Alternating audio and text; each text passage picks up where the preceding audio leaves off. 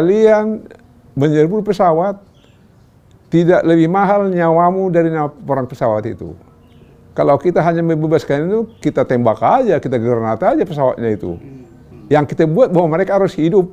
Bila perlu kau yang mati.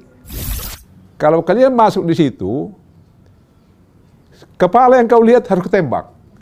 Berarti kan kepalanya harus lihat. Kalau yang ini ibu-ibu pasti kepalanya dilindungi gitu. Apa aja, lihat aja apa ini. Itu. Kalau ada kepala itu tembak gitu. Siap.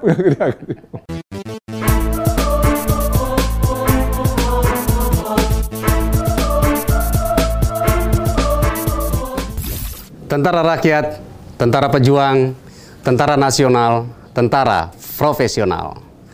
Salam prajurit, salam merah putih. Salam prajurit, salam merah putih juga. Baik. Welcome to podcast Puspen TNI. Sebelum saya melaksanakan syuting podcast kali ini, saya dan Pak Sintong, juga kru yang bekerja, sudah melaksanakan protokol kesehatan. Dimulai dari swab test dan pengecekan suhu. Dan semua sudah aman. Terima kasih Anda masih menyaksikan channel podcast Puspen TNI. Tidak lupa saya menyapa Sobat TNI di mana pun berada, baik yang sedang bertugas di luar negeri, yang sedang bertugas di perbatasan, yang tentunya saat ini masih setia menjaga keutuhan negara Republik Indonesia. Saya mendoakan semoga Sobat TNI tetap sehat dan selalu dalam lindungan Tuhan Yang Maha Kuasa. Sobat TNI, sejarah adalah suatu pengetahuan yang disusun atas hasil penyelidikan beberapa peristiwa yang dapat dibuktikan dengan bahan kenyataan. 40 tahun sudah berlalu. Saat itu 28 Maret 1981 terjadi pembajakan pesawat Garuda DC-9 Woyla di Bangkok.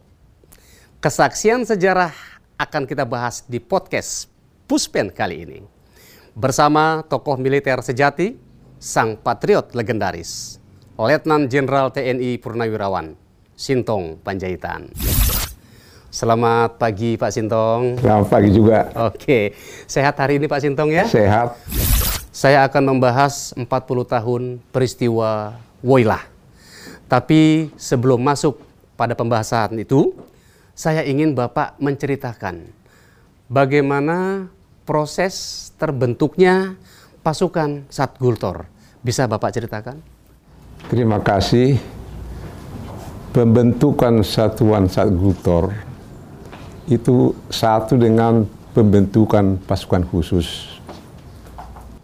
Maka karena itulah Pak Letkol Selamat Riyadi waktu itu yang memimpin, beliau laporan bahwa kita perlu satuan yang kecil seperti mereka itu. Karena itu mulailah mereka merencanakan dibuatlah Kesko dari Kodam 3 Siliwangi. Artinya kesatuan komando. Kesatuan komando ini adalah mereka cari dari prajurit-prajurit yang terbaik. Kesko ini tidak lama diambil alih oleh Angkatan Darat. Pindahlah Angkatan Darat menjadi Kesatuan Komando TNI Angkatan Darat dan RPKD timbullah satu masalah lagi di mana kita untuk merebut Irian Barat. Dalam merebut Irian Barat ini diperlukan satuan yang terjun dari udara, para. Para itu hanya RPKD. Dibentuklah para RPKD itu menjadi para komando angkatan darat. Begitu dibentuk para komando angkatan darat ini, timbul lagi suatu permasalahan lagi. Di mana kita melawan eh, apa musuh di daerah Sarawak. Diperlukan lagi satu satuan yang bisa menyusup satuan itu ke dalam tanpa menggunakan seragam-seragam militer. Jadi antara intelijen dengan pertempuran jadi satu. Itulah namanya Sandiuda. Jadi terbentuklah namanya Kopasanda.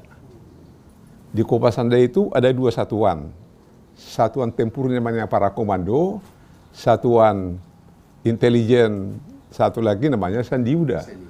Setelah Kopasanda ini ada lagi permasalahan lagi dengan adanya teroris-teroris yang terjadi tahun 70-an. Di mana tahun 70 ada tahun 72 ada suatu pembajakan dengan demikian dibentuklah satuan anti teror ini maka tim satu lagi nama. Namanya Satgultor Satuan Penanggulangan Teroris.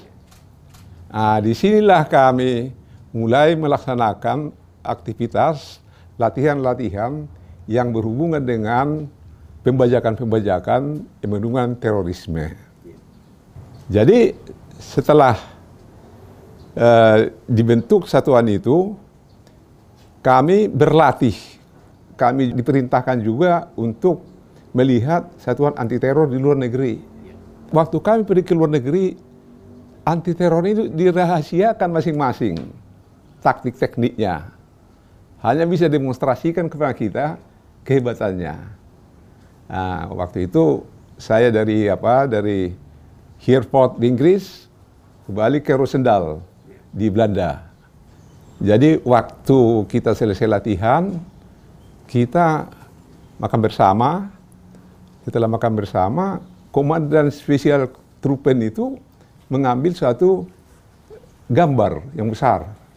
Kira-kira lulusan ini lulusan tahun 48. Ditunjuklah sama saya. Wah, ini idola Anda dibilang gitu sama saya. Saya bingung, ini boleh kalau idola saya. Sejak saya saya tahu idola saya. Siapa? Gak tahu. Itu namanya Fisher. Fisher itu Ijon Jambi, komandan pertama RPKD. Jadi setelah itu dia bilang sama saya lagi, ah ini ada satu lagi nih foto yang mungkin anda kenal dia bilang sama saya. Jadi tahu nggak namanya? Itu namanya Westerling. Oh, kalau begitu, anak buahnya Westerling yang bertempur di Maluku itu, dan waktu itu belum ada satuan komando di Indonesia. Jadi pertama satuan-satuan Belanda itu dulu yang ada satuan komandonya. Setelah ditunjuk grup 4, grup Sandiuda, satu grup itu satu brigade itu. Nah, ditunjuklah kuasa saya Karsampat sebagai satuan teror itu Latihan-latihan yang kami laksanakan di grup anti teror itu adalah latihan yang sangat-sangat berat karena mereka harus bertindak dalam secara sendiri-sendiri tapi mesti ada feeling antara dengan teman dengan temannya. Terutama mengenai peledakan-peledakan itu kepermainan kami tiap hari.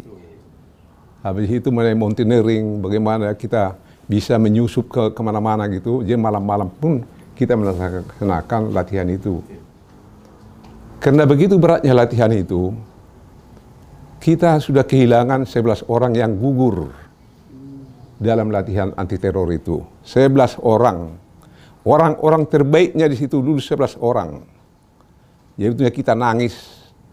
Yang lusuh orang ini termasuk apa saya, ajudan saya, namanya Miskar dia juga lain itu miskar itu. Kita latihan, latihan eh, demolisi di Kopassus ini dalam rangka tijauan dari Kasat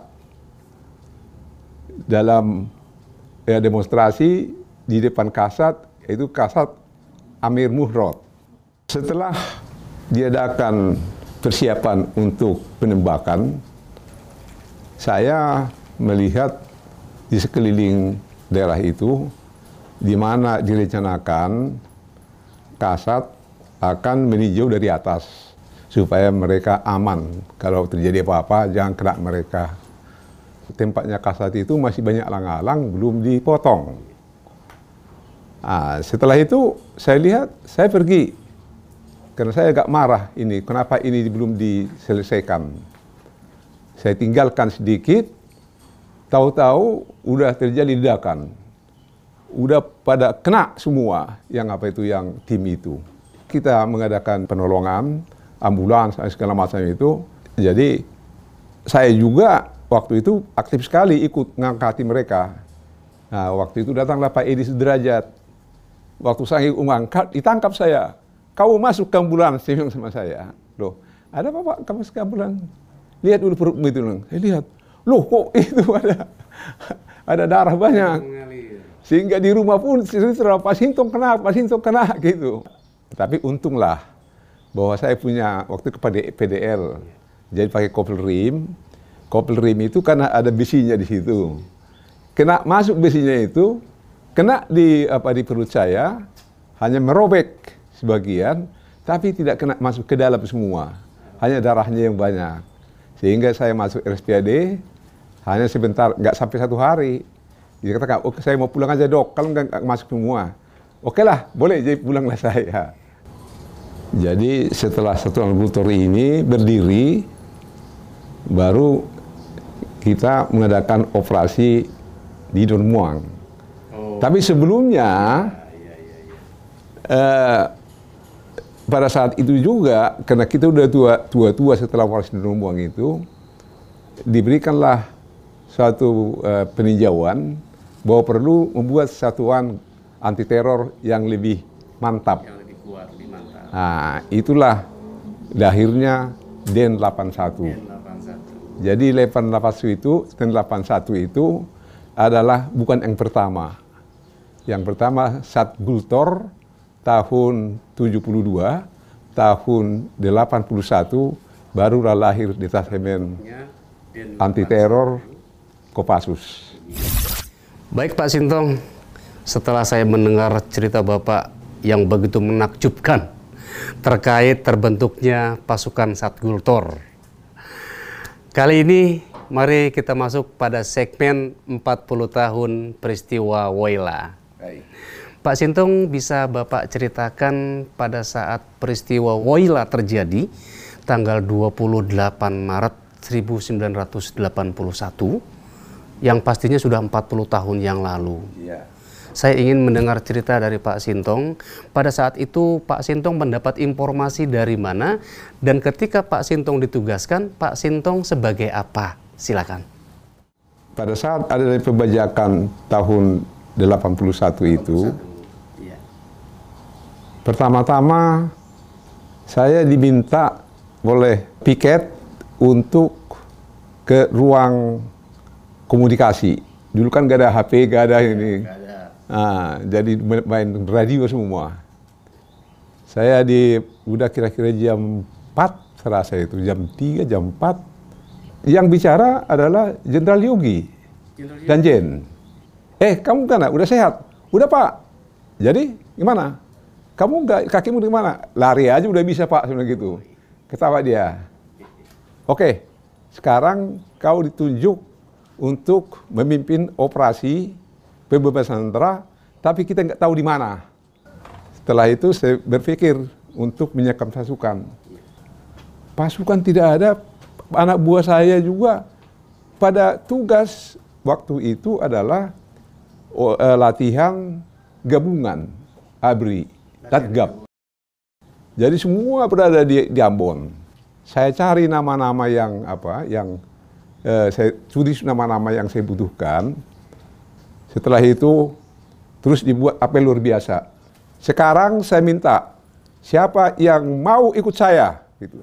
Jadi saya cari satu-satu. Udah dapat saya tiga. Jadi intinya sudah saya punya. Kalau anti teror itu yang masuk ke pesawat itu hanya tiga orang itu aja. Jadi yang lain itu masuk membantu tangga apa semua gitu, koordinasi semua. Habis itu di belakangnya itu adalah jinak bom segala macam itu. Tapi yang pertama itu bertempur itu yang tiga orang itu. Jadi setelah itu dibentuklah tim itu. Kira-kira waktu saya kumpul ada 70-80 mungkin itu. Diambillah 30 orang. 30 orang. Setelah saya ambil 30 orang, saya mulai kita ini latihan Pertama, kita hubungi Garuda. Siapkan satu Garuda untuk kami latihan untuk penyerbuan di Garuda itu.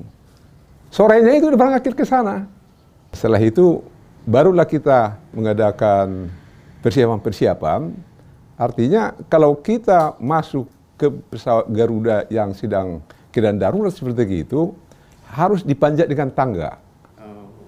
Nah, jadi untuk itu karena ini ada malam hari atau apa gelap, jadi nanti ada orang yang belajar tiga orang itu untuk membawa tangga dan meletakkan di tempat yang yang sesuai dengan keadaan pesawat itu. Diukur dulu di situ. Baru di situ buat, buat tangganya pun baru waktu itu. Sebenarnya untuk masuk pesawat itu itu gampang. Semua pesawat bisa dibuka dari luar. Kenapa? Kalau keadaan darurat itu pintu-pintu pintu-pintu pesawat itu bisa dibuka dengan langsung terbuka semua itu.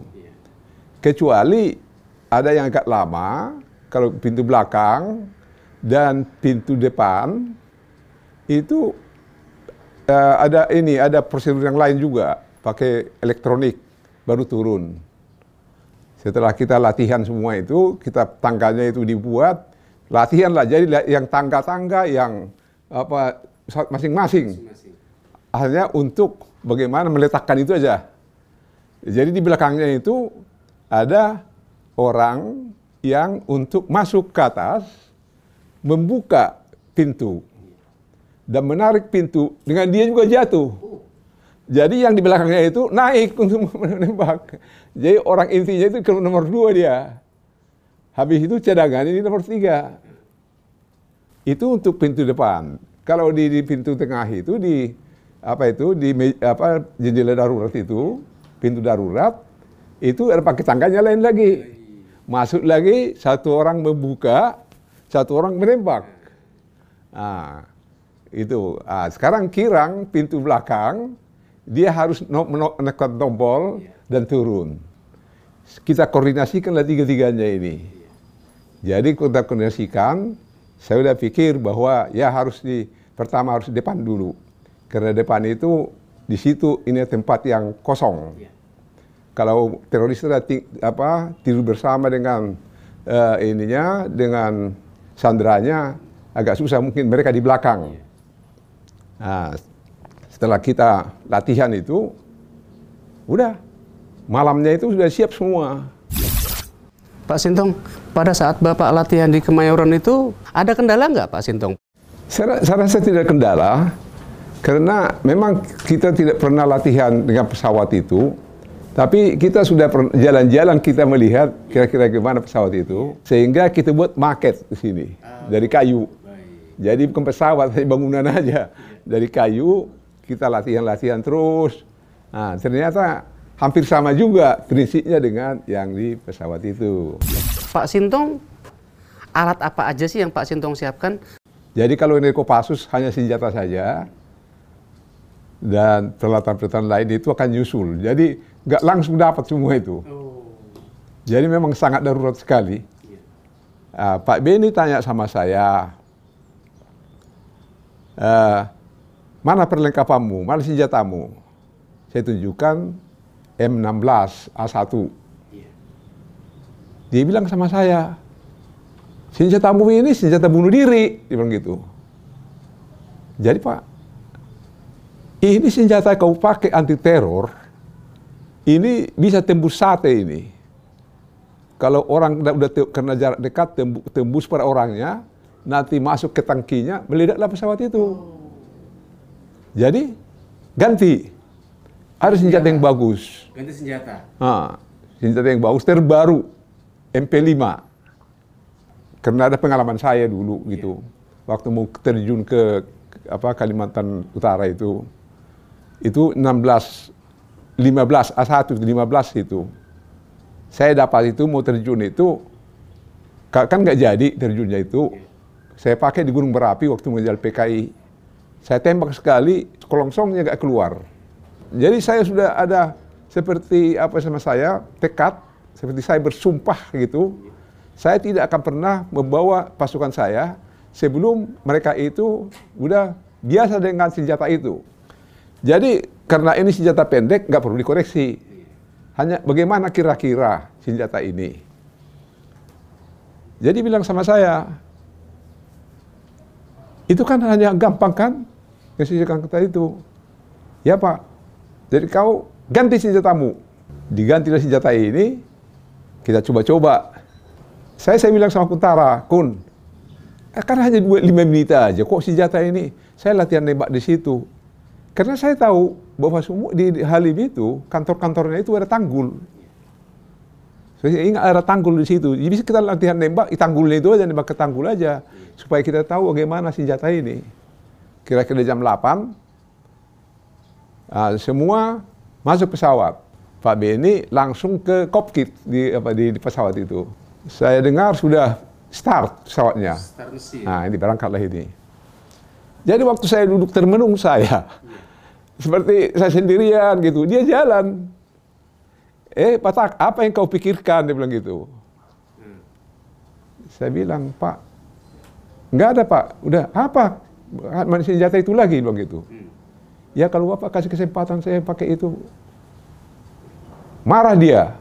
Kau takut, dia bilang. Ya enggak Pak, kami siap. Dia balik kanan dia. Masuk ke, ke apa itu tempatnya ke itu. Pesawat itu jadi ngeng gitu, mati. mesin berhenti. Ah, udah keluar kau. Bawa anak buahmu itu latihan seperti keinginanmu itu gitu. Wah, senang sekali saya. Keluarlah kita semua. Wah, udah keluar kita semua. Mulailah kita semua berbaris itu semua. Pokoknya asal kita tahu aja bagaimana enaknya senjata ini. Mulailah kita uji senjata itu. Jadi seperti prosedur biasa, satuan, tang tanggung di depan, lalu ini tembak, you know. tek, tek, tek, tek, satu pun gak ada yang meledak. Pelurunya nggak ada yang meledak satu pun. Semua senjata ini gak meledak.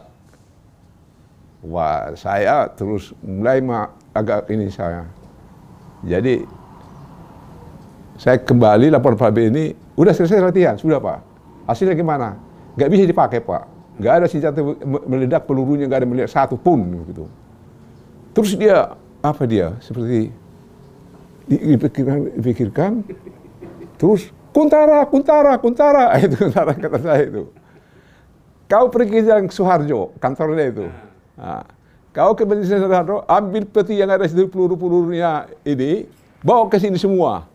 Jadi setelah Pak Kuntara melaksanakan perintah Pak Beni, eh, dia dari apa dari kantornya Pak Beni membawa satu peti yang besar.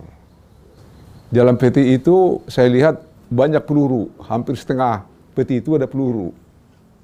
Jadi karena ini adalah peluru yang apa, paling lunak ini, kecepatannya itu apa tidak terlalu bes- besar, sehingga kalau orang ditembak di di depannya di, di belakangnya nggak kena, nggak ini, nggak tembus. Dikasihlah peluru baru sama kita, kita berangkat lagi. Wah, kita berangkat begitu nembak, aduh, memang apa itu senjatanya ini paling bagus. Semua, eh gimana kau? Siap pak, hebat pak ini pak, hebat ini. Nggak terasa ini udah.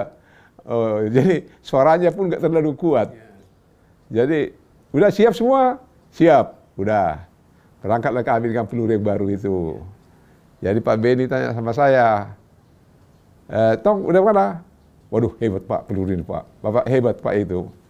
Ini saya ceritakan sama dia, anak-anak itu begitu senang sama dia. "Oh, udahlah berangkat kita, berangkatlah kami. Kemudian personil berapa orang yang Bapak bawa saat itu? Sebetulnya begini mengenai personil saya, Iya. personil ini sebetulnya di sana jadi banyak sekali personil itu. Tapi kalau personil inti itu hanya sedikit. Berapa itu Pak? Itu paling-paling hanya 17-18 itu. Ada personil pendukung, ada personil untuk membuat laporan. Iya. Kalau kami nanti semua dalam operasi ini, mesti ada orang yang memberikan laporan, yang ikut sama kami, Iya. Tapi tidak ikut dalam operasi itu. Contohnya Pak Subagio.